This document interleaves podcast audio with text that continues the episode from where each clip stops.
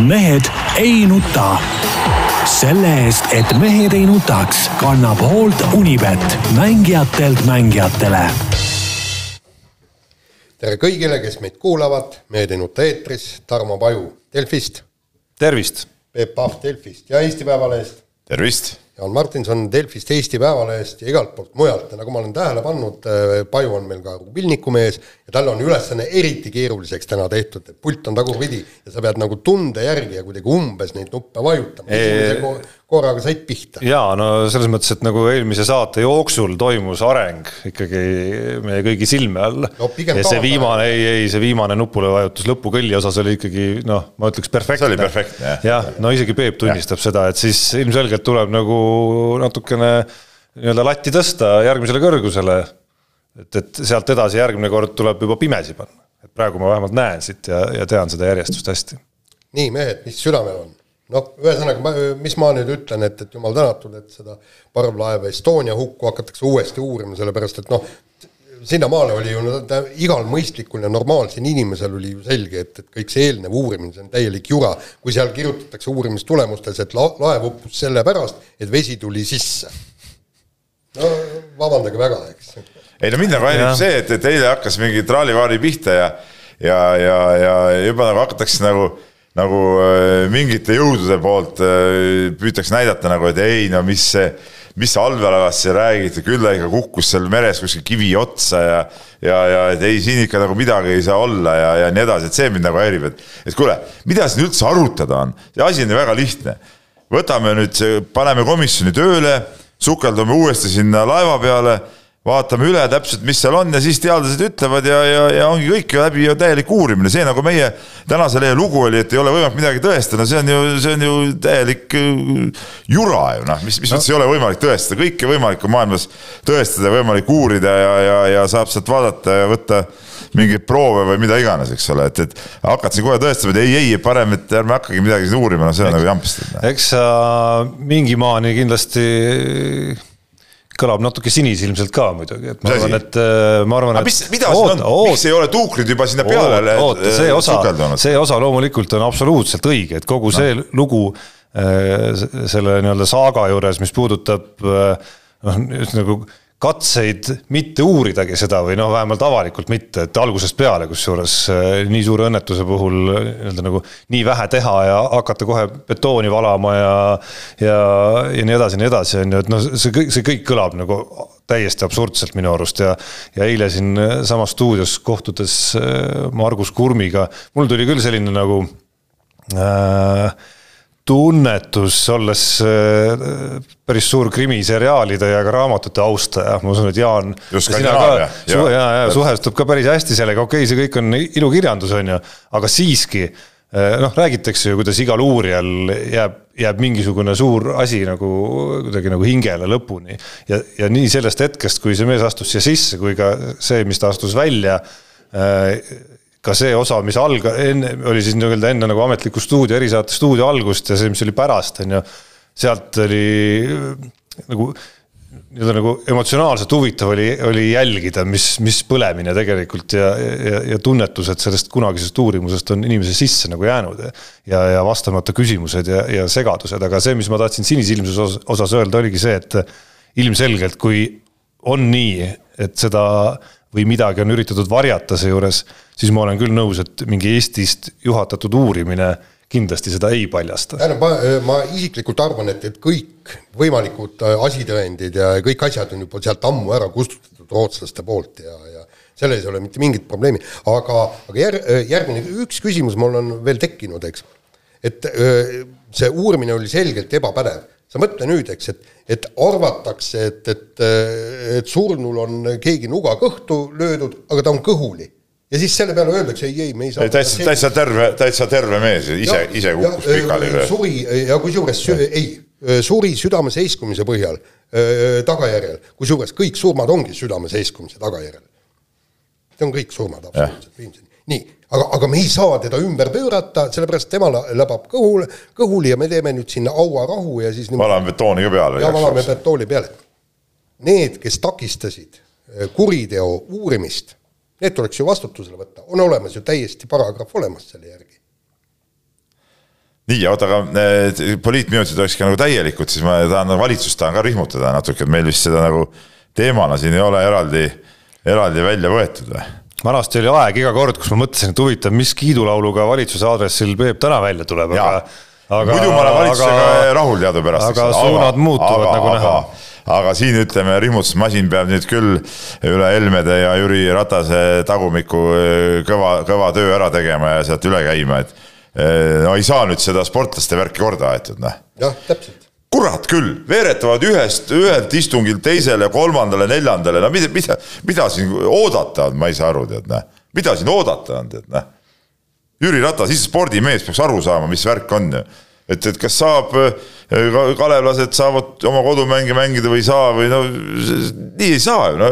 Jalgpallurid, kõik on ju, ajad on umbes juba, noh. mida, juures... mida siin oodata on? Ja siin ei ole millegi taha pugeda, mingisugust Saaremaa võrkpallist rääkimine ja see on ju täielik, täielik jura kuubis ju, noh, need ei ole üldse võrreldavad olukorrad, mis on praegu kehtestatud eh, normid alaliitude poolt ja rahvusvaheliste alaliitude poolt ja kõik need, need nii-öelda need mullisolekud ja nii edasi, ei ole võrreldavad ju see, mis oli Eh, viiruse, siis kui viirust ei polnudki, mis seal Saaremaal toimus, eks ole. et selle taha pugeda ei saa ja, ja see otsus tuleb ära teha ja, ja siin minu pärast kas see valitsus võiks kukkuda, kurat, kui nad ei saa tehtud seda. no eh, puänt on ju ikkagi see, me kordame natukene ennast saatest saatesse, aga ei no aga see seesama, seesama, seesama, seesama Martin Helme näiteks, mäletad alles, mis, see oli mitte eelmine nädal, vaid üle-eelmine nädal käis ja tantsis seal, mis, mis üritus see oli seal, disainiauhinnad või mingid asjad. oota, oota, oota, ei, oota, oota, see tants, tantsuks, küsimus ei ole selles tantsus üldse, mis on jumala okei okay., tantsi ja mölla, aga seda tüüpi üritused toimuvad kõik jumala rahumeeli olles tegelikult äh, oluliselt suuremad nii-öelda nagu viiruse leviku riskid kui see, et sportlased kontrollitult äh, no, muidugi. pidevalt muidugi. proove andes käivad, tulevad, lähevad. ja, ja inimesed elavad ju ikka edasi. see oli minu point. aga mis on see nõme, nõme on muidugi see, ütleme kõik see uudiste laviin, mis selle äh, Helme tantsu peal läks lahti ja kuule kes meist ei oleks nagu peomeeleolus sihukest tantsu teinud, kõik on teinud ja midagi, midagi häbiväärset pole, aga seal. keegi jälle, ei ole midagi ette heitnud. aga ei, see oli keeratud nagu iroonia võtmesse nagu, et see, see oli jälle Eesti, ütleme, peavoolumeedia äh, ütleme sihuke, kuidas ma ütlen, nagu, nagu sihilik naeruvääristamine nagu nende poolt. aga Taavi Rõivas sama tantsu tegi äh, kunagi presidendi vastuvõtult tulles siis ei olnud, siis oli ka peavoolumeedia tegi, siis tegi ka liiga, ei, ei, Rõivas tuli ka ükskord jooksis peaga sealt. seda ma ei mäletagi ausalt no,, ei ma tean, seda lugu ei mäletagi ausalt öeldes. Tõesti kaks absurdset asja, täna kuulasin jällegi seda intervjuud jalgpalluriga, Mihkel Uibolat vist andis ERR-ile intervjuu, ta ütleb niimoodi, et et inimesed, võistkonnad tulevad meile tšarterlennuga, lähevad sealt hotelli, sealt ei puutu mitte kellegagi kokku. Ja, ja, ja kõik ikka ikka, ikkagi ei lubata, ikkagi nad peaksid olema kaks nädalat karantiinis. see on täielik absurdsus.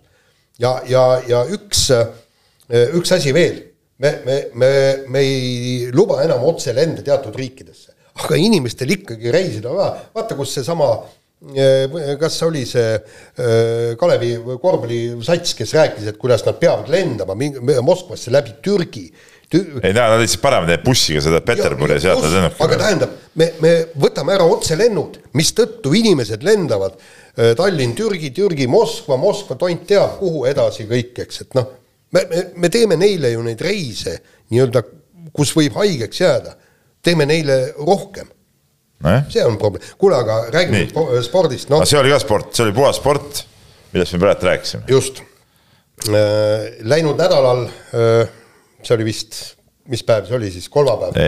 kolmapäeva hommikul. kolmapäeva hommikul jah. siis õnnestus. lugemas käisime esmaspäeval, Jaan Silu. just, lugemas käisime esmaspäeval, kolmapäeva, kolmapäeval äh, ilmusid äh, artiklid äh, Mati Alaveri äh, toimikute, nii-öelda toimikute põhjal, kus siis äh, saime lugeda mõningaid, mõningaid ülekuulamisprotokolle, Mati Alavere päevikut, kusjuures kahetsusväärselt oli seal päevikus, nimed olid kõik mustaks tehtud, põhjendus oli selles, et need in inimesed, kelle nimi seal figureeris äh,, nemad ei ole uurimisalused, uurimisalused äh, alune oli ainult Mati Alaver ja, ja kõik see materjal, mis meile esitati äh,, oli siis äh,, näitas seda, et et äh, Mati Alaver on tegelikult süüdlane pätt ja kabaks. jaa, just see mustaks tegemine oli minu arust täielik jura, tähendab selles suhtes, et et äh, kui need inimesed figureerivad seal nendes lugudes, nad on selle asjaga seotud ju.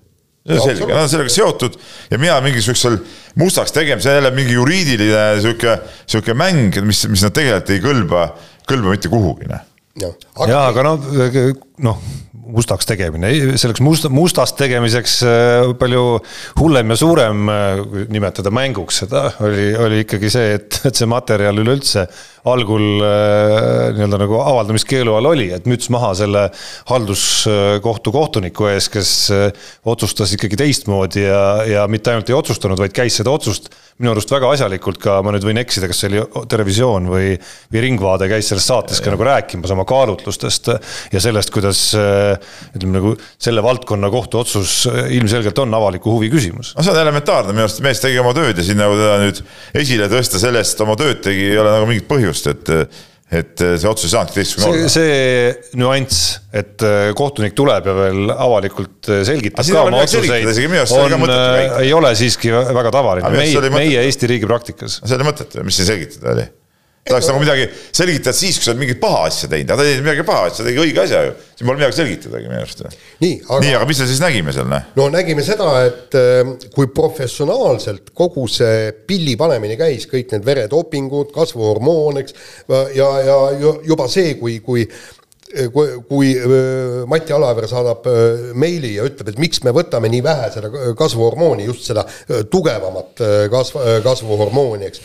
et selgitati, et ei jumala eest, et seda võite kogu aeg panna ja siis, kui ta selgitab, et teatud pari, perioodidel, mis olid piisavalt pikalt, et kolm-neli korda nädalas tuleb tarvitada kasvuhormooni ja siis nüüd me üllatume, imestame, et, et kuidas huvitav see Andrus Veerpalu organismi sattus see kasvuhormoon ja, justkui nii äkki, on ju.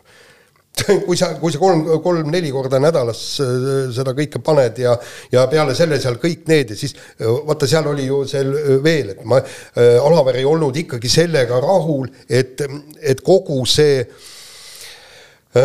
kogu see kokteil, mida sisse sööditi ei ole piisav. Ja kui ta ütleb, et, et kas geenidopingud, kas sulle äkki on geenidopingut või midagi, midagi uut, et me saaksime veel kõvemini seda pilli panna. no seal mitte ainult ei, ei käinud geenidopingust jutt, vaid mingitest äh, nii-öelda loomadele mõeldud ravimitest, äh, mis ma saan aru, ei olnud kõik veel nii-öelda tavakasutuseski, et, et üks osa, millest on võib-olla äh, liiga vähe isegi kogu nagu selle temaatika juures räägitud ongi, et me räägime siin nüüd tervisele päris karmidest riskidest ka lõpuks ju aga, aga see on ju mitte ainult, mitte ainult, mitte ainult pettusest, mitte ainult nagu pettuse poolest. jaa, ei seda küll, aga see on alati teadnud, et dopingu tarvitamine liiga suurtes kogustes on igal juhul terviserisk, noh. see, selles ei ole midagi uut ja tegelikult äh, näete, siin inimesed saadavad meile järjepanu sõnumeid, ma keerake Jaanile mikrit peale, mul juba kolmas sõnum tuli.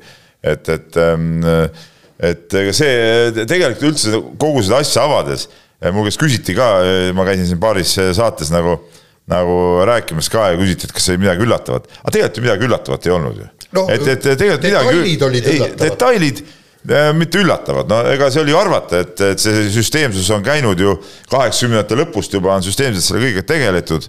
ütleme, need varasemad äh, ajakirjanduslikud nii-öelda uurimised ja, ja, ja teemaga tegelemised on ju seda selgelt näidanud.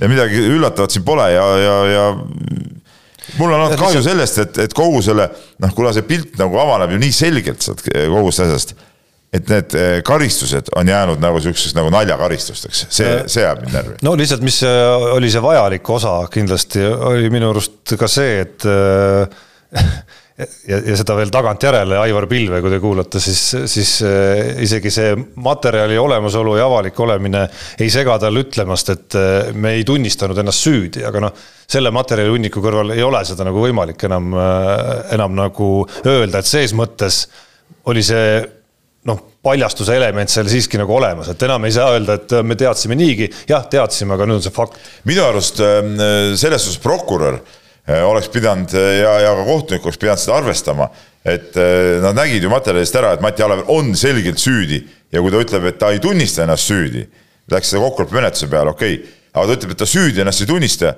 no siis seal see kokkulepe ei oleks pidanud nii leebe olema. see näitab seda, et ta ei ole nii-öelda paranemise, meele paranemise teele pöördunud, tähendab, ja ta, ta ei, ta nagu ei näegi seda oma, oma eksimust tegelikult selles asjas. ja, ja nii ongi. tegemist on nagu paadunud retsidivistiga, noh, midagi teha ei ole, noh ja kahetsusväärne on ka see, et, et uuriti just kuni kahe tuhande kuueteistkümnendast aastast alates aga noh, nad uurisid seda no konkreetselt saa- seda case'i, noh. ei, see kuigi, kuigi selle põhjal minu arust ka oleks võinud ikkagi avada uued uurimised ka eelnenud. ei no need kuriteod, kui need olid, on ju Peep aegunud kõik, et sul ei ole alust algatada uurimist kahe tuhande üheteistkümnenda aasta ei no mis kohta. üheteistkümnes, aga mis aastani aeguvad? Viis aastat, nii.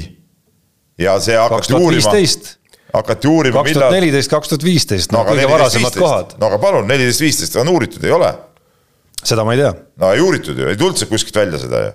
ja, ja ta- ja teine mis sa tõesti äh, oled nii sinisilmne, Tarmo, et sa arvad, et, et nad hakkasidki siis sellest hetkest tegelema, kui see uurimus pihta hakkas, seal uurimine või? ei ole nii ju noh. ja, ja kus, kusjuures näed, meie seadusandlus oli ju niivõrd kehva, eks, et, et me ei saanud meie seadusandlus on nali ju, see on Ju- täielik nali on meie seadusandlus. et me oleks pidanud juba tegelikult Bernatski ajal seda kõike uurima hakkama, oleks pidanud siis, kui Veerpalu täpselt, no siis oleks saanud kõik need asjad lahti võtta Jah.. Kaks tuhat üksteist oleks saanud minna tagasi veel ju kahe tuhande kuuenda aasta peale. Jär, jär, järgmine küsimus, siit on igalt poolt on öö, see doktor Schmidti kohtuprotsessilt on ju tulnud välja igasugust infot, seal on selge info on tulnud, et Andrus Veerpalu treenerina oli ka seotud selle dopingu tarvitamisega, miks te, te, te, teda kohtu alla ei antud?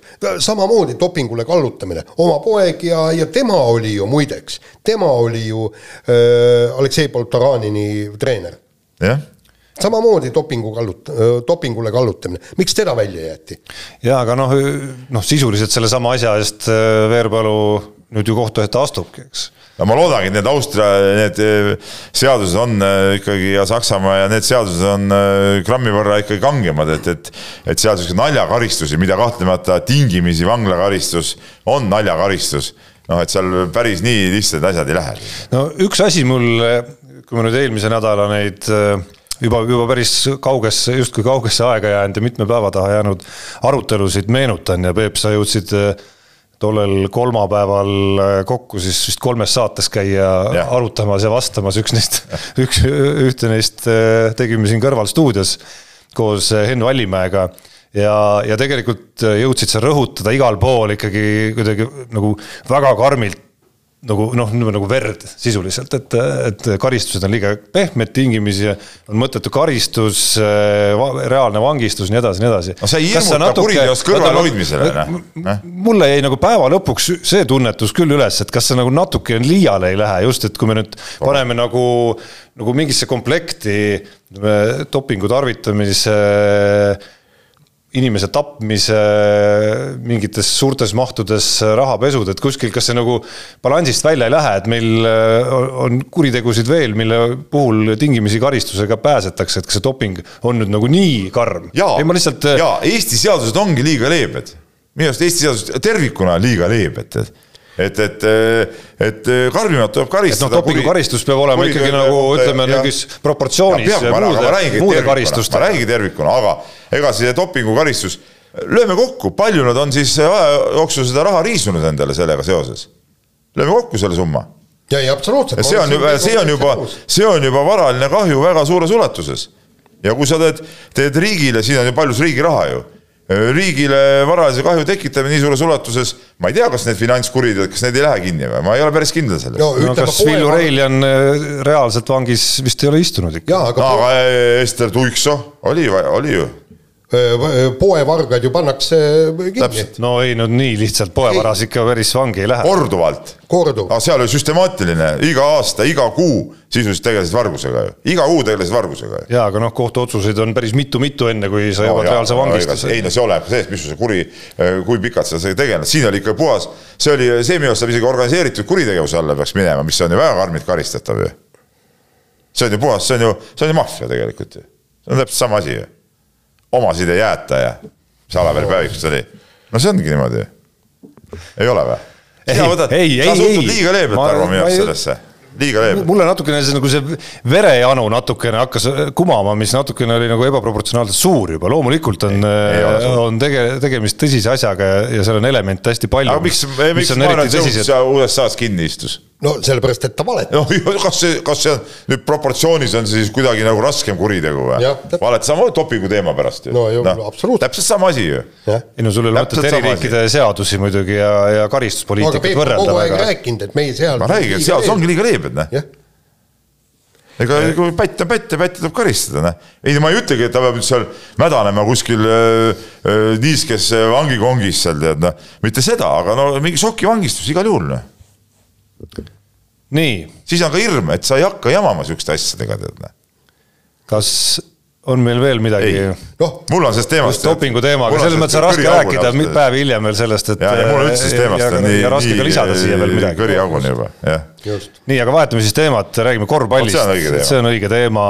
BC Kalev Cramo avas oma ühisliiga hooaja, VTB ühisliiga hooaja ja peab ütlema, et üle ootuste hästi tegelikult, kuigi kaotus tuli Peterburi seniidile, siis äh, ma poleks arvanud, et nii hästi Kalev vastu saab. jaa, peab sinuga mõnes mõttes nõustuma, aga. mitte, et äh, peaksin hirmsasti hurraatama ilusa kaotuse pärast. aga ma pean nõustuma ka äh, nii-öelda kolleegidega Siim Raudla, Krista Saagega, kes oma saates jõudsid ka suhteliselt selge tõdemuseni, ma eile õhtul seda oma spordikäiku tehes ka kuulasin ja, ja, ja raske neile vastu vaielda. et ega see Niidil oli päris raske seda mängu tulla mängima ka, tead noh et äh, esiteks seal olid paar meest olid neil puudu, teiseks äh, neil oli juba äh, mängud olid seal all ka, eks ole, suhteliselt lühikese vahega. et, et võib-olla nad ei olnud nii hästi selleks valmis ja lisaks nendel juba see nädal hakkab Euroliiga, et noh, et see on nagu on, et need siuksed, ütleme need nagu reamängud, et noh, neid ongi nagu äh, raske mängida neil ja, ja see vastab tõele, aga muidu, aga see muidugi kõik ei tähenda seda, et Kalev hästi mänginud, Kalev mängis muidugi hästi. noh, teisalt jällegi mingist otsast räägivad need eh, tihedad mängud, mis seniidil enne Kaleviga kohtumist olid just nende kasuks, et sest me räägime Kalev Cramost, kes ei saanud viis viie vastu trenni isegi teha äh,. välja arvatud vist, ma ei tea, üks või kaks või kolm korda, palju seda jõuti, pluss. aga vot see on vot see on huvitav teema, nagu... ma tahan, oota, et see meil nagu maha ei kukuks. ja Kalev, vennad on seda korduvalt rõhutanud. No ma ei saa aru, kuule, neil on ju esiliigas see Kalev Cramo Nord. no võta nüüd sealt mõni mees kehaks selleks kuradi kaheks-kolmeks nädalaks, noh. maksa talle seal mingi väike raha, et sa saad viis-viis teha, ega nad nüüd nii kehvad mehed ka ei ole, muidugi nad tasemelt ei küündi selleni. aga sa saad vähemalt teha viis-viis mingeid asju, ütled talle, et näe, seisad siin, jooksed siia no, ja, ja seal on mingid nooremad vennad on, on mõned vanemad esiliiga mehed, kes on kogu aeg olnud. no kuidas ei saa siis neid võtta sinna, noh see on ikka oma, oma organiseerimatus järjekordselt, järjekordselt, kuidas Nõmme Kalju sai minna eurosarja mängule isegi, võttis oma noored vennad ja said mängida küll, mis on siis, mis Kalev Cramo oleks teinud siis? oleks pidanud samamoodi võtma neid ja, ja sinna juurde, et, et, et vot see on minu arust natuke, natuke jama jutt. ja ei no ei, mis jama jutt ja Kalev Cramo poolt jah, jama jutt. ei, sa räägid noh, jah. et noh, sama jutt põhimõtteliselt, mida ma eelmine nädalgi väljendasin, et, et see on võib-olla Kalev Cramo koosseisu isegi nagu suurem kui need Kitsingu lahkumised Äh, ja kõik need ootamatused seal, äh, kuidas koroona tõttu on raske uusi mehi tuua ja nii edasi, nii edasi ja ja üks mees pidi ära minema, et see justkui on nagu, nagu õnnetute asjaolude kokkusattumus, siis see, et seal ei ole selliseid ma ei tea, Indrek Suneliku moodi tüüpe nagu rohkem natukene lihtsalt selleks, et ei tekiks selliseid olukordi, et, et see on tegelikult nagu koosseisu poole pealt isegi nagu kõige suurem pettumus, mis, mida sealt ongi võimalik välja tuua praegu.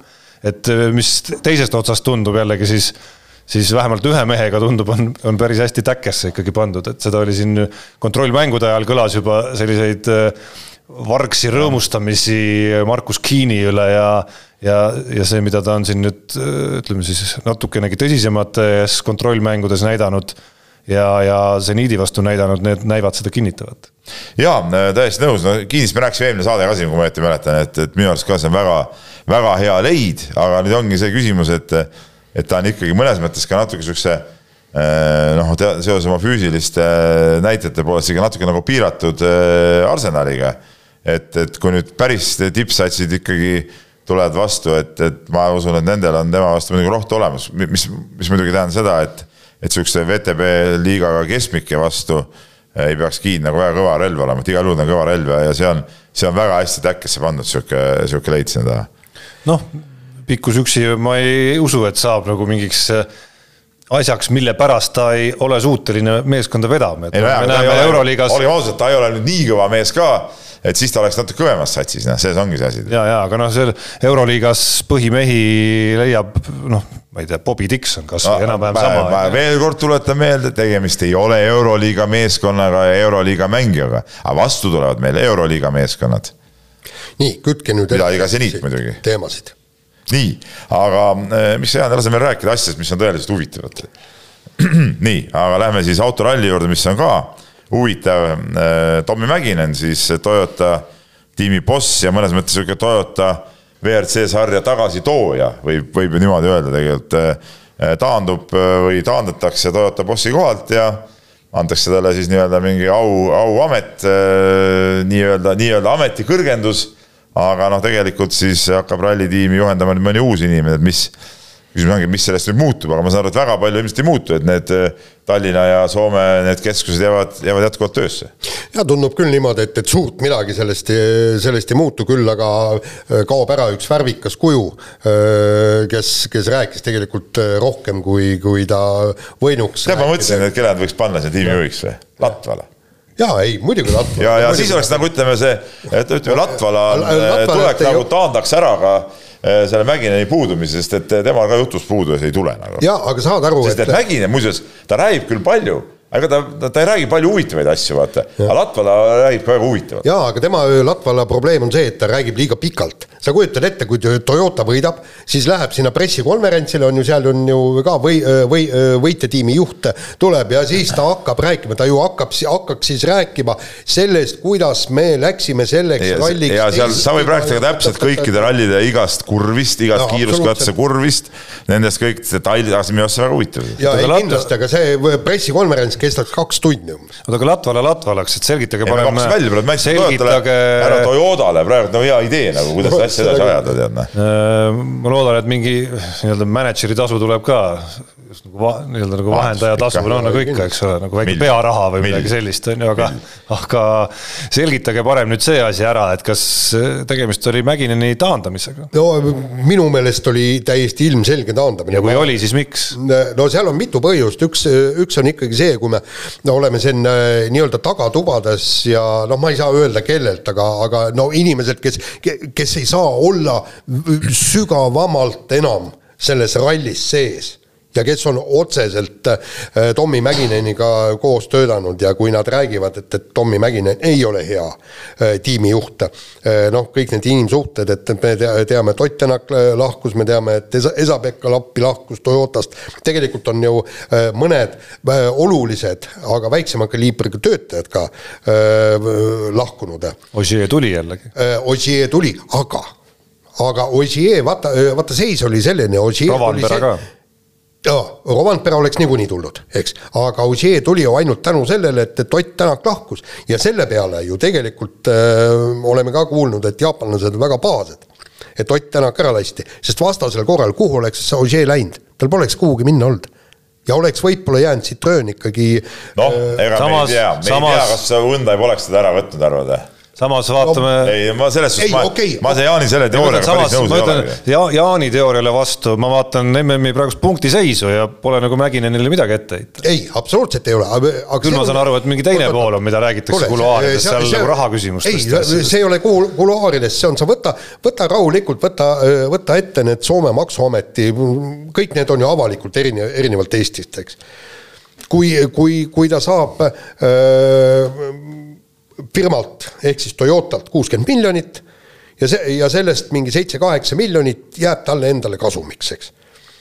kusjuures mitmed asjad on ju jäänud tegemata ja jällegi sealsamas kuluaarides räägitakse, eks, kui, kui varem kõik see Hyundai ja omal ajal isegi Citroen, eks, sõitsid väiksemaid rallisid selleks, et autosid katse, mäletad, see oli ju terve, terve skandaal, et kuidas nad sõidavad seal ja miks nad sõidavad, siis Toyota ei sõitnud, ega Ott Tänak ei sõitnud ju sisuliselt mitte ühtegi väikest rallit peale Rally Estonia. Aga teised ju käisid Soomes sõitmas, teised käisid seal kuskil asfaltirallisid sõitmas aga see on kõik budžetist oleks äh, pidanud ju kinni maksma, tema oma taskust. ja, ja ma arvan, et, et äh, Toyota võitis ikka päris äh, palju sellega, et ta võttis Tommy Mäkineni sealt vahelt välja nüüd on Toyota ise seab ja kõik need kuus miljonit, neli miljonit, aga miljonit. mõnes mõttes on see ikkagi paras sigadus ka, mis Mäkinenile tehti, et olgem ausad, Mäkinen ehitas kogu selle Toyota tiimi üles. kusjuures huvitav on see, et see on nagu, ja see on, vot see, mida alati, mind alati häirib. kusjuures kaks rallit enne hooaja lõppu. no ja see, see hooaja lõpp, ei, no ega, ega ta pärast kohe hooaja lõpuni. Ei, ei, hooaja lõpuni. Hooaja lõpuni. ja, ja, ja peatati lihtsalt vara. ja, ja aga, aga mis mind alati häirib, ongi see, et kui, kui mingid mehed nagu teevad mingi suure töö ära ja siis nagu noh, mingid vennad, oot, oot, oot, pole teda enam tarvis, eks ole, tõstame ta kuskile kõrvale, noh, see on, see on nagu ebaaus käitumine tegelikult. ei no jaa, aga nad Mina- tõsteti ei,, tõsteti äh, nii-öelda kõrgemale Jaa, ja ma kujutan sa- ette, et ta saad saab ju aru, sa ta saab aru., ta saab oma miljonid ilusasti kätte talle makstakse see jah, kõik aga saad ju aru, et no tegelikult see oli ikkagi nagu, nagu ei olnud nagu aus käitumine. ei no võib-olla küll, aga sina oled omanik. jah, aga ma räägin, omanikud ongi tavaliselt värdjad siuksed, kes võtavad, lasevad ühel inimesel midagi teha ja siis, siis panevad jalaga tagumikku talle, eks ole, tead näe. ja see on ju, see on ju tihti niimoodi, võtame mingis muudes sfäärides tegelikult, tead näe. ja omanikud arvavad endast liiga palju, tead, tehke te ise ära siis kõigepealt see asi, tead näe. kuule, aga, aga, aga, aga see asi, mina ikkagi ei, ei saa aru, kuidas see asi hakkab toimima.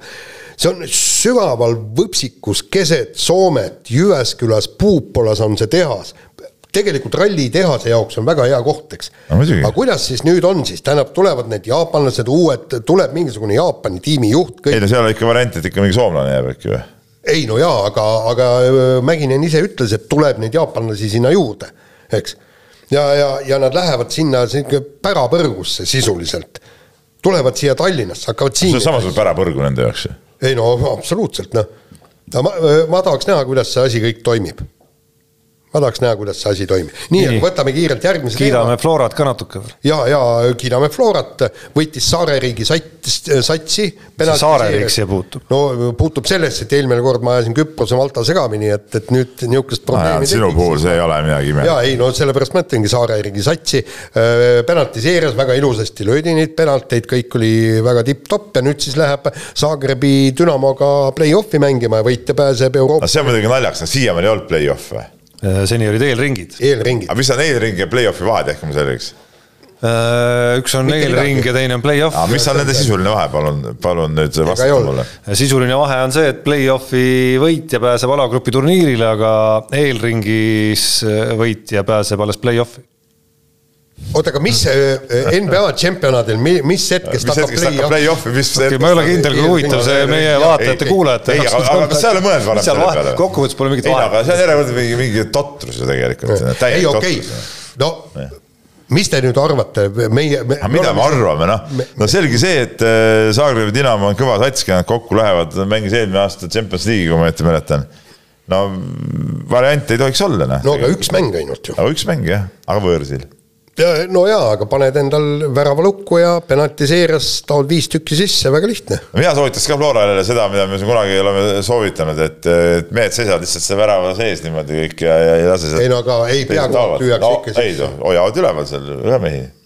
saab teha püramiidi. ja ei no selge see, võimalused on väikesed, aga noh, teisest küljest eh, ega see sissejuhatus, et kiidame Florat, ma arvan, et tasubki täitsa kiita, et eh, Eesti, mul on Eesti jalgpallis, mis on viimase, ütleme aasta-paari jooksul siin tulemuste vallas just toimunud, siis iga selline väikegi edu kulub praegu marjaks ära. ei kindlasti, hokis muide on sihuke taktika mõelda, nagu ma välja pakkusin.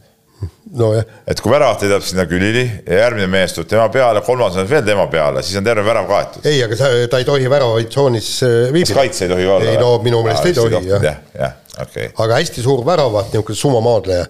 Baruto istub sinna maha, põmm. Väga lihtne. huvitav, miks ükski, ükski sats pole kasutanud seda? no vot, see on huvitav vaata, nad on nii suured, nad ei tunne ka, kui ta sihuke Baruto veel, kusjuures Baruto veel on suhteliselt nagu väike on sumamaadlejate koht, et kui sa võtad seal. Seal on ka suured mehed mänginud. Akebono ja siuksed mehed olid seal kunagi. üldse, üldse ma mõtlen praegu sumost, et miks Eesti spordijournalistika sumost ei kirjuta enam, et vanasti oli iga hommik oli peaaegu mingi uudis ju. see kivi sinu kapsa, kes on praegu kõige kõvem rankingu No, mees ei, no ma-? kas Hakuho teab, keegi on endiselt esimene? ei tea, ütleme tunnistuse nüüd, Jaan, sulle tööülesanne tegeleda nüüd sumoga. kohe hakkas huvitama, aga paneme kõlli vahepeal. tont selle sumoga, räägime parem kiires vahemängus ja sa tahad öelda, et sa nagu ütleme, ei allu korraldusele? ei allu korraldusele, jah. nii. niisugune mees, niisuguse vana mehe katsus. ja, ja sa pead niisuguse tüübiga, tüübiga siis koos töötama, vaesekene. tunneme kaasa, nutame. Nii äh,. Erki Noor praegu, eetris on küll kõva mees, aga tagasi jalutame, siis kuule ei ma ma kohe, kohe, kohe hakkan ma tegema. tegelikult ei, ma, ma lihtsalt saate pärast vaatan, no nagu see on nagu see eh, Helme, eriti noorem on ikka aeg-ajalt pidanud tagasi tõmbama, ei no see oligi seal noh, niisugune nagu show Saate pärast kontekstis, rohkem nagu saate kontekstis öeldud. nii, räägime Erki Noole olümpiakullast, kakskümmend aastat saab mööda, meie Tarmoga viibisime kohal, sina vist kirjutasid isegi jaa, oli au, üks äh, ütleme spordiajakirjaniku ajast ikkagi, ma arvan, kaks suurt asja, mida ma võtan nagu tagantjärele nagu päriselt nagu ilma liialdamata, et oli au, üks on kindlasti see, et äh, nendel aastatel, sealhulgas Sydneys õnnestus, õnnestus ikka väga tihedalt Erki Noole tegemisi kajastada ja- teine muidugi puudutab korvpalli, ehk siis seda Kullamäede, Kuusmaade, Müürsepade põlvkonna nii-öelda nagu haripunkti aega ja ja eks see langusaeg oli ka omamoodi huvitav seal juures. ma ütlen kohe ära, Sydney olümpiamängudest mul on meeles, see on minu jaoks olnud üks ebameeldivamaid tööperioode. me olime And- Andres, ah, ma kujutan me ette, olime Andres Vaheriga, jäime kahekesi Tallinnasse nii-öelda kogu seda sodi, mis te sealt saatsite peale toimetama. Väga head lood okei okay,, no lood ei teadnud küll, aga noh, tervikuna iga jumala päev oli mingi kaheksa lehekülge. ajavahe veel, ma Pluss mäletan, kõik see mis ajavahe. tegi veel asja nagu hullemaks. tahtsid ju võistlusi ka vaadata ja siis sa pidid hommikul hakkama tegelema kogu selle värgiga, et see lehte ka nagu jõuaks. et see Sydney olümpia oli, oli, ma usun, et Andres, kui ta kuuleb ka, nõustub minuga, et selles suhtes see oli suhteliselt ebameeldiv periood. ütleme niimoodi, et selle ajavahe tõttu oli ikka tegelikult en- endal oli ka see noh, ütleme praeguses vanuses oleks keeruline seda, seda kõike vastu pidada, vaata, me saime ju, ma, ma mäletan noh, seda, kui Budõlini, ei, Bertelsoni olümpiapronks oli, ei saanud temaga sõnagi rääkida, viidi dopingukontroll ja autasustamine lõpuks tolle aja järgi kell kaksteist saime alles rääkima hakata, siis noh, läksime kirjutama artiklit kell neli, jõudsime, jõudsime nii-öelda hotelli, kell üheksa pidid jälle välja öö, sõitma ja mäletad, kõige hullem oli see Jarek Jõepera, ma, ma, kas sa mäletad seda ühte hommikut, kui olid mingi sõudmise poolfinaalid ja me ütlesime, sest tema fotograaf oli veelgi kauem tööl tavaliselt ja siis eh, tema nõudis, et ja okei okay,, ta magab ainult kaks tundi, aga ta tahab sõudmist pildistada. ja, ja eh, ta oli Ants Põldojaga oli ühes toas ja me tõstsime ta üles, me ei suutnud teda äratada. kahju, et, et siis ei olnud mobiiltelefoni ja filmida. me tõstsime ta, tead nagu multifilmis, tead tagusid vastu põski, kõik raputasid, kõik. mees ei võtnud jalgu alla ja pärast saime sõimata. ta arvas, siiamaani arvab, et me teadlikult jätsime ta ma- magama. ja, ja, ja, ja vot niisugune, niisugune asi ja, ja sellel, see ajavahest tulenevalt oli lihtsalt juba see võimalus, et sa said kohaliku aja järgi nii-öelda nagu järgmise hommikuni kirjutada lehe sama lugu. sama häda oli ka näiteks äh, Pekingis. just ja, ja sellepärast läksidki Pekingis käisime öösiti äh, kohalikus McDonaldsis äh, brownisid võtmas pressikeskuses ja rullisime oma lugusid seal ju ikkagi nagu sealse aja järgi ikka ka ju väga-väga-väga kaua. Et. ma seda unesegust äh, nagu tagasi staadionile kulgemist pärast ühe või kahetunnist und mäletan Mm. päris hästi isegi, ma elasin veel äh, Sydneys teises kohas äh, kaugete sugulaste juures kuskil metrooga sõitsin seal, mis kõik oli väga ere mälestus muidugi, aga aga, aga no nüüd rääkisime endast, aga mitte Erki Noolest, no tegelikult ah, kes see noor, mis jah, eks sellest Noole Ei. võidust on nii palju räägitud, siin ei ole enam midagi lisada. Aga ta on kõva mees, midagi ei no, ole öelda. muidugi, Ülikõva ülikõva, eile õhtul just jälle. Ringvaates teda nähes, jälle tuli, tuli see kõvadus kõik nagu meelde, et see noh, oli au ja oli põnev ka, kõik see tema kümnevõistluse sisesed äh, ajakirjanike tribüünile tulekud ja siis äh, pikad vestlused seal ja, ja tema trennide külastamised näiteks, mis olid ka ikkagi nagu alati elamused ikkagi, esiteks see, need kestsid päris pikalt ja, ja seal kuulis ka päris palju. ja, ja, ja, jah. ja, ja kusjuures siiamaani on temaga ikka väga-väga meeldiv vestelda, mitte alati ei ole meeldiv temaga kokku saada, sellepärast et esimene asi oli kohe, kuulge mehed, mida te seal oma saates räägite või mida te kurat kirjutate, eks, sõimab sul näo täis ja siis ütleb, no okei okay,, nii, millest jutt aga ma pean kiitma tema muidugi siin, Märt Roosna tegi ka väga toreda intervjuu. ma pean kiitma tema seda, mulle meeldis see intervjuu lõpp, kus ta rääkis siis tee-ehitusest ja sellest, noh. no, no vaata nii, Erki Nool presidendiks, noh, siin No. pole midagi öelda, mees teab, kuidas asjad käivad ja nii ongi, väga õiget juttu rääkis, tead, Jah. jumala õiget juttu rääkis no mingi ütleme-, mingi kuradi tilulilu käib selle asemel, et asjad ära teha, tead, noh ütleme poliitiknoole suhtes ma alati nii Ah, sa vaidled nagu vastu oota, ei, ei, ma ei vaidle sellele vastu, miks sa Ah. paned mulle sõnu suhu? Noh, aga saaks kohe siia õigustama midagi. ei, ma rääkisin tema poliitiku aastatest eelkõige, aga No siis ta ei mis, olnud tagasi mis on äh, l- minu arust nagu lahedam, lahedam ja eriti sümpaatne osa on see, kuidas ta ikkagi on nagu nii-öelda sporti ja kergejõustikku hetkel nagu tagasi andmas täiega ikkagi ja treenerina ja, ja nii-öelda nagu oma Oma see kooli jah. et kõik, kõik see osa sealjuures veel, et väga lahe on kuulata nii nii temaga viimasel ajal tehtud podcast'e näiteks äh, kui ka lühemaid intervjuusid, kus, kus ka need teemad on jutuks tulnud. nii, mehed, kaheksa minutit on aega. nii, Margus Hunt. kergitati New Orleansi Saintsi põhikoosseisu tagasihoidliku miljonidollarilise palga peale. No see on Jaan, kogu lühidalt. segane lugu on jah, aga. Ei, see on- mees mängis ennast pildile tagasi, no põhimõtteliselt mängis pildile tagasi ja, ja noh, ütleme, seal olid igasugused äh, pluss-skeemid tema jaoks oli ka see, et, et üks, üks kaitseliini mängija oli vigastatud, loodeti, et, et pärast kahte mängu, miks Hunt kohe pandi kaks esimest mängu, ta asendas äh, ühte kindlat meest, aga see on ikkagi vigastatud äh,, ei tulnud ja nüüd oli sunnitud võtma siis Margus Hundi äh, põhikoosseisu tagasi ja see ei olnud ikka nii, et see oligi niimoodi planeeritud tegelikult? no ta oli nii ja naa tegelikult pärast seda, pärast kahte mängu seal öeldi, vaata siis oleksid sa võinud ju pärast kahte mängu kohe ta sinna põhikoosseisu, aga ei, ta ikkagi saadeti sinna eh, t- treeningrühma tagasi ja no tähendab eh, nii-öelda eh, ookeanitagused kommentaarid ütlesid, et nüüd oodatakse, et eh, kas see mees paraneb ja kui paraneb, siis võib-olla kui keegi vigastada saab, siis tuuakse, aga poiss ei paranenud, toodi tagasi, kahju, et ta teenib eh, miinimumpalka, mida tema eh, vanune veteran võib teenida ja see on tõesti natukene alla miljoni dollari, aga abiks ikka no abiks ikka. nii, aga nüüd ma ütlen nii, ütlen Jaani sõnadega, vaata püssi, Euroopa meister body fitnessis äh, Tiina Kaare Tiia. õpib, või Tiia, vabandust, jah, Kaare õpib laevakapteniks. Äh, hästi kihvt intervjuu oli äh, Märt Roosnalt ja meie noor reporter paugutab siin päris kõvasti viimasel ajal. aga, aga selles mõttes, et äh, tore tüdruk teeb trenni, aga just see, et, et räägib täiesti tõsimeeli, et, et äh, oota, mis, mis seal oli, kõigepealt tüürimeheks ja siis kapteniks ja ja, ja õpibki niisuguseid asju, noh, nojah, naisterahvas. naisterahvas rõhutame. jah, see vist ei ole paslik meenutada, mida naiste ja laeva peal olemise kohta naine laevas lae, põhjas, jah. no nagu et, kunagi. et, et selles suhtes jah, ma ei tea, kuidas see meeskond sinna laeva peale kokku pannakse pärast. kuigi mulle meenub, mingi dokfilm oli, kes oli sellest ümber maailma purjetamist, kus üks, oligi üks nagu naiste tiim ja ei läinud põhja midagi, nii et äh, see oli koba ehk erand, mis kinnitab reeglid. aga ei no tegelikult, kui tõsiselt rääkida, siis eh, loomulikult ütleme, ütleme, et tütarlaps on ikka ajanud ennast metsikusse vormi, et, et eh, ega need tiitlid muidugi ei tule ja. ja ja see oli alles algus. see oli alles algus ja ma saan aru, ma saan aru ka, et, et vähe teinud jälle see. ta on ju äh, kolmas võistlus Jah, oli üldse, see, aga, aga tegelikult noh, iseenesest äh, kas teie oskate öelda, mis vahe on seal body fitnessil, siis, siis kulturismil, klassikalisel, et seal on, minu arust seal on eh, er, sada erinevat eh, võistlusliiki, pluss igas võistlusliigi sees on sada erinevat kaalukategooriat ka veel, veel pikkuste ja laiuste ja, ja kõigiga koos. et põhimõtteliselt igaühele midagi just, aga, aga me, mis selles halba on, kui meil on Ei ole. hästi palju kenasid neid, kes kes näevad väga head välja, eriti piltidel. et tegelikult ikkagi see- see naiste kulturism ongi just see, mis pakub meile nagu huvi. ega see me, meeste lihamägede vaatamine pole mingi suurem asi. no see sinule, vaat kus ma kuulan siin ja mõtlen, et vaat kus mehed äkki läksid käima.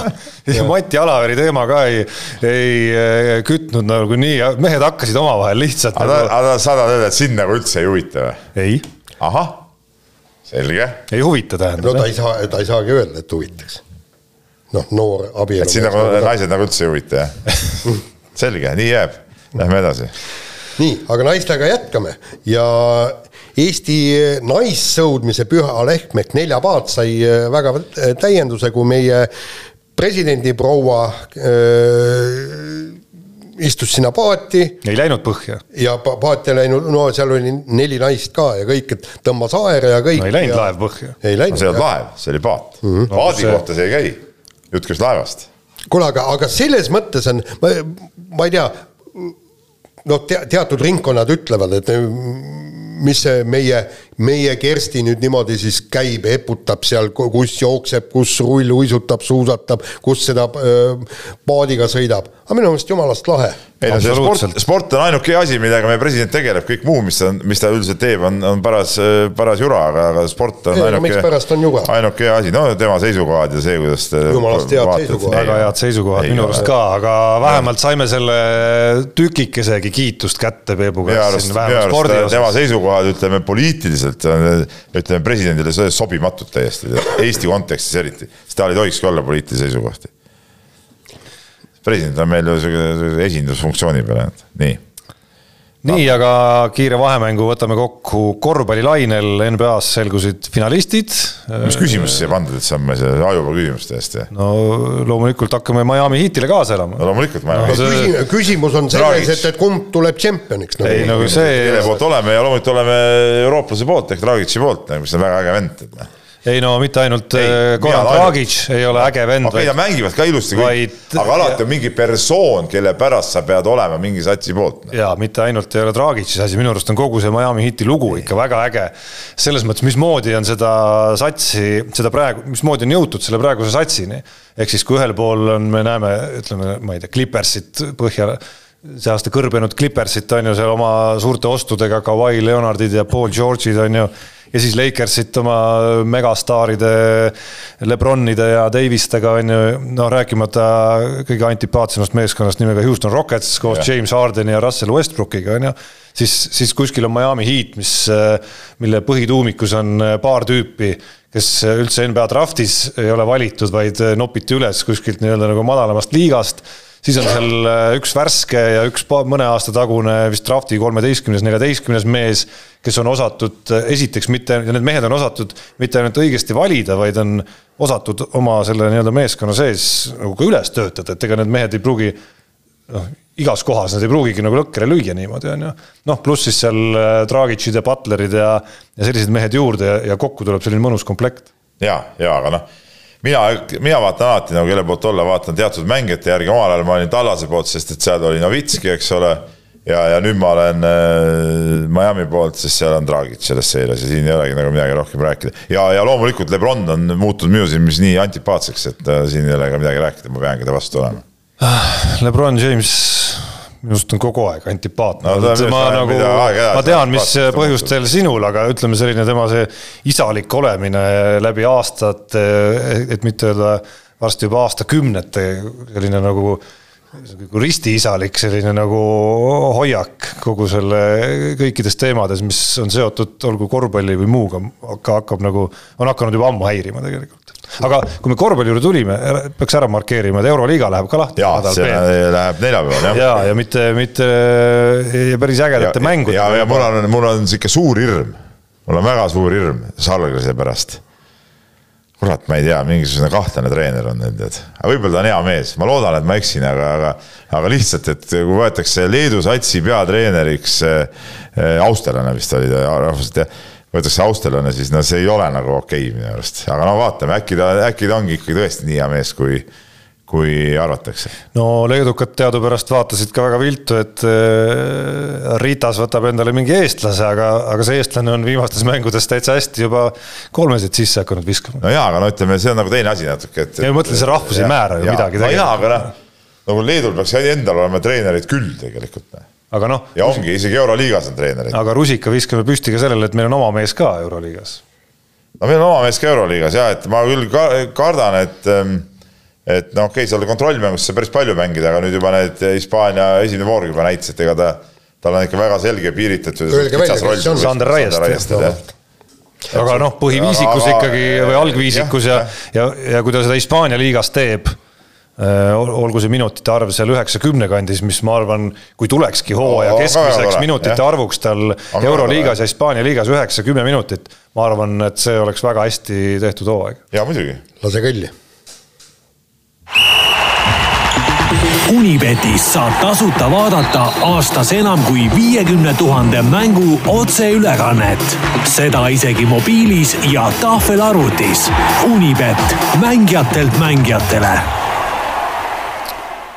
Nonii, Peebult ma ei küsi, ma arvan, et tema hoiab nüüd. ma tegelikult, ma tunnistan ausalt, ma lubasin eelmine nädal, ma panen ja ma tegelikult seekord ma lihtsalt unustasin. jaa, teame, teame jah ja.. aga ma olen ikka liider no kindel liider. ja mul tüüpiline, üks panus pihta, teine panus põhja. mis panused ka, kuulajad on ikkagi tähelepanu juhtinud, et paluks täpsemalt. panin Kanepile siis, kui ta oli öö, Prantsuse lahtiste esimeses ringis, esimese seti oli kaotanud, on ju, siis oli väga, väga hea, aga ma kahjuks panin liiga hilja, oli mingi kaks kopikatega oli koefitsient ja, ja siis selle võitsin ja siis panin jalgpallipanuse, ma ei mäletagi, Eesti ja Inglismaa panin, panin kokku, tuli ka niisugune kaks kopikatega, Eesti sats, Eesti pakkumine läks pihta ja ja, ja siis see oli vist Tottenhami mäng või kellegagi, ma ei, no tõesti ei mäleta ja, ja see ei läinud nii täpselt. sul, Tarmo, oli huvitav pakkumine? jaa, ma tegin ühe ikkagi noh, ma ei, ma ei häbene ütlemas, tegelikult üsna napaka panuse, et äh, päriselt ennustades ma nagu kunagi selliseid asju ei teeks, aga noh, äh, lihtsalt kogu seda tausta vaadates, Peterburi seniit, kes siin Himkile ära pani Kalev Cramo, kes ei saa viis-viie vastu trennigi teha, no ma mõtlesin, et see, see ei ole nagu isegi võimalik, et seal äh, mingisugune üllatus toimub, nii et ma panin kogu oma raha, mis mul seal üldse arve peal oli, kakssada viiskümmend või seitsekümmend, no mingi sellise summa, panin äh, siis koefitsiendiga üks koma null neli Peterburi seniidi peale ja noh, ütleme tegelikult kusjuures, ei, kusjuures, kusjuures tegelikult ei olnud, et äh, ma olin ühel üritusel, kus ma selle otseülekande panin käima seal laua taga ja jälgisin seda ja jälgisin nagu tegelikult niisuguse mõnusa muigega. et äh, noh, mul oleks kahtlemata ülihea meel olnud, kui Kalev Cramo oleks võitnud, sellest mitte ainult ei oleks Kalev Cramo võitu kirja saanud, vaid me oleks saanud siia saatesse aasta lõpuni siia Unibeti rubriiki ütleme päris kõvasti aasimist ja, ja nalja oleks olnud päris kõvasti, et sellisel moel oleks oleks minu võitlus see aasta lõppenud. aga nüüd võitsid peaaegu kümme eurot, jah? ja kümme võitsingi, jah. no kõva. aga noh, kakssada kaheksakümmend on vist saldo, nii et ja. et Peebuni on natukene minna, kes on seal kolmesaja kahekümne kandis, Jaanist vist. jaa, ma, mul on kakssada kakskümmend. aga sa, Peep, ära, ära, ära, ära arva, et siin äh, otsustavad lükked veel tulemas, ei ole. selles mõttes, et äh, ma võin sind hoiatada, et äh, saldo saab olema kas null või väga palju Ah, aasta lõpus, ei no selles mõttes, et äh, ühel hetkel, ühel hetkel, kui on kümme eurot näiteks jäänud, siis see kümme eurot läheb äh, koefitsiendiga, ma ei tea, kaks kahekümnest ei piisa, kolmkümmend viis kuskile ja kuule, kirjad meile. nii et ei tasu loorberitele puhkama jääda, hakka panustama kiiresti. uue nädala eripanus, äh, hetkel on üks neist eetris, see puudutab Kaia Kanepit.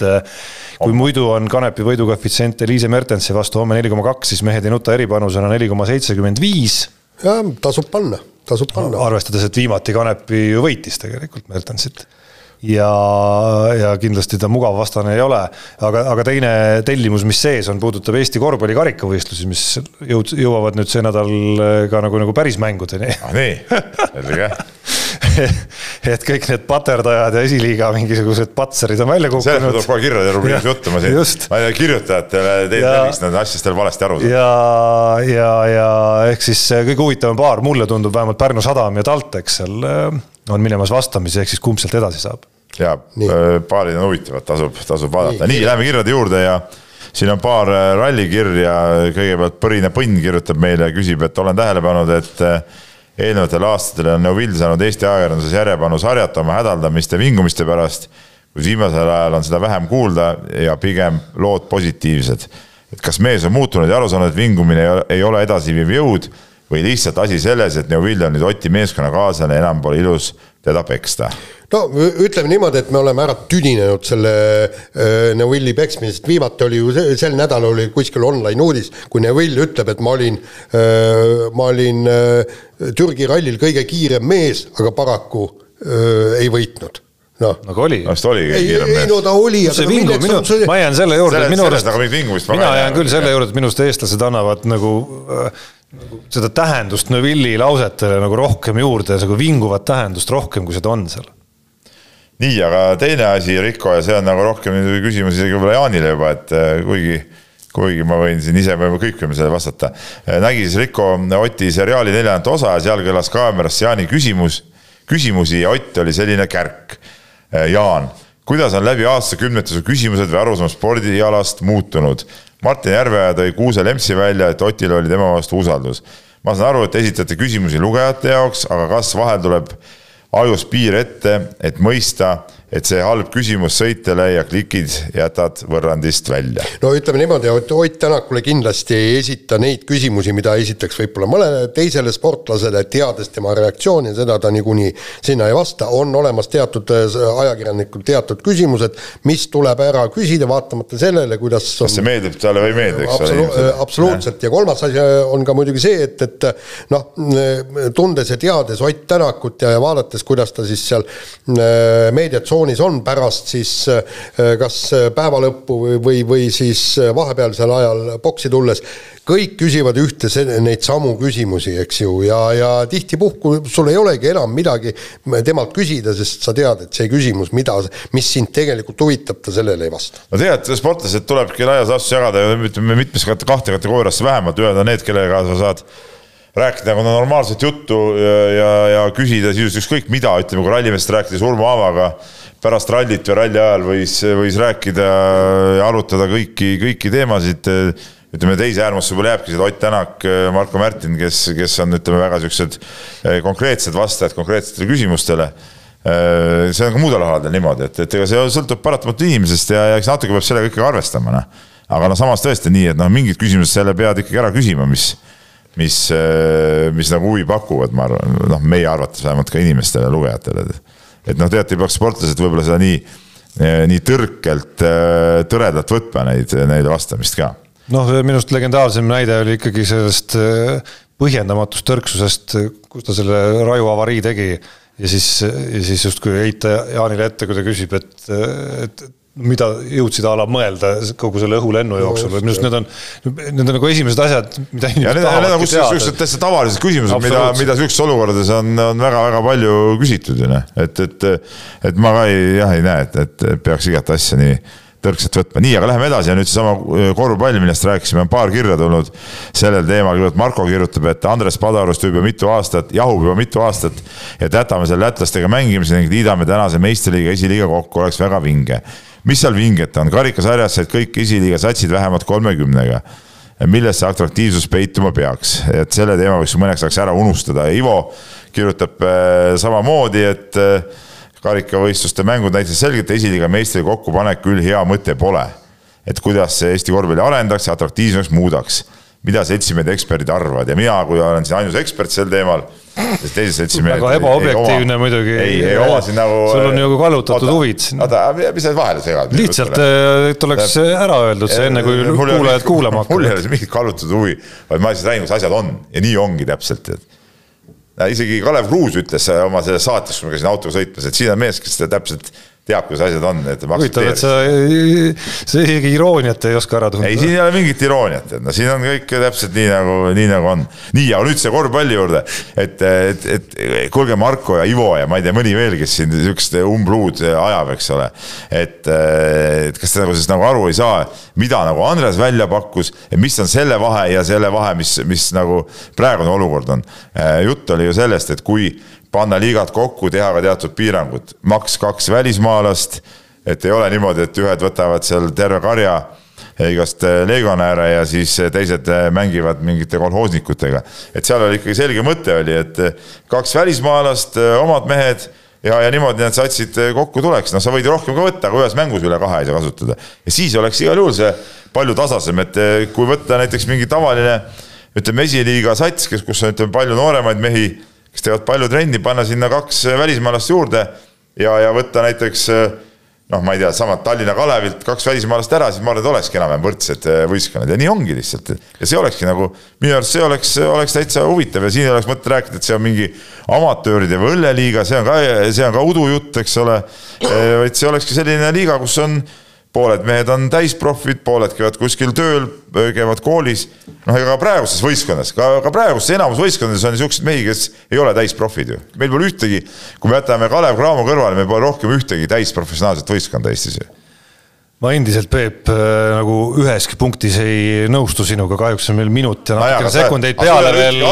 ei, vastupidi on, et, et lihtsalt teeme, lihtsalt teeme kunstlikult äh, liiga taseme nõrgemaks. mis selle mõte on? Mõte on see, et me ei pea seda lätlaste vahel seal puterdama. ma arvan, et lätlastega koos on väga hea puterdada. me ei saa ju nendega koos mängida, näed ise. miks me ei saa? Lähme kuskil jaanuaris hakkame mängima, võib-olla. ei no okei okay., see koroona koroonaks, selles mõttes see idee, juured ei, ei ole üldse koroonaga seotud. aga praegult oleks olnud mõistlik isegi niimoodi teha. no praegust ju tehaksegi selles mõttes, et äh, lätlastega esialgu pole mänge planeeritud aga sellest hoolimata ma vaataks igal juhul sellise Pärnu sadama ja TalTechi omavahelist mõõduvõttu kui sellise, nagu sa kirjeldasid, kust on äh, välja kraabitud omajagu taset. nojaa, aga tähendab sinule. ja see on ka mäng, ja see on ka mäng, ja see on ka mängijatele oluliselt arendav. ei, sina oled siuke mees, kes tahab vaadata siukest mängu, kus on viis legionäri mängivad viie legionäri vastu. TalTechis legionärid? ma ei räägi TalTechist praegu, me räägime, võta seesama Rapla, Pärnu, Tallinna Kalev, kõik on ju legionäre täis ju, neli-viis legionäri, noh no see on ju jama ju tegelikult. täiesti tavaline pilt, kui sa vaatad no, maailma erinevaid liigasid. no jaa, aga me ei ole mingi maailm. ei ole Eesti... ükski Eesti mängija, kes on, kellel on võimeid areneda, küll arenemata jäänud. aga äh, mul oli õigus ja sellega on saade lõppenud, sest aeg on täis. mehed ei nuta. saate tõi sinuni Unibet, mängijatelt mängijatele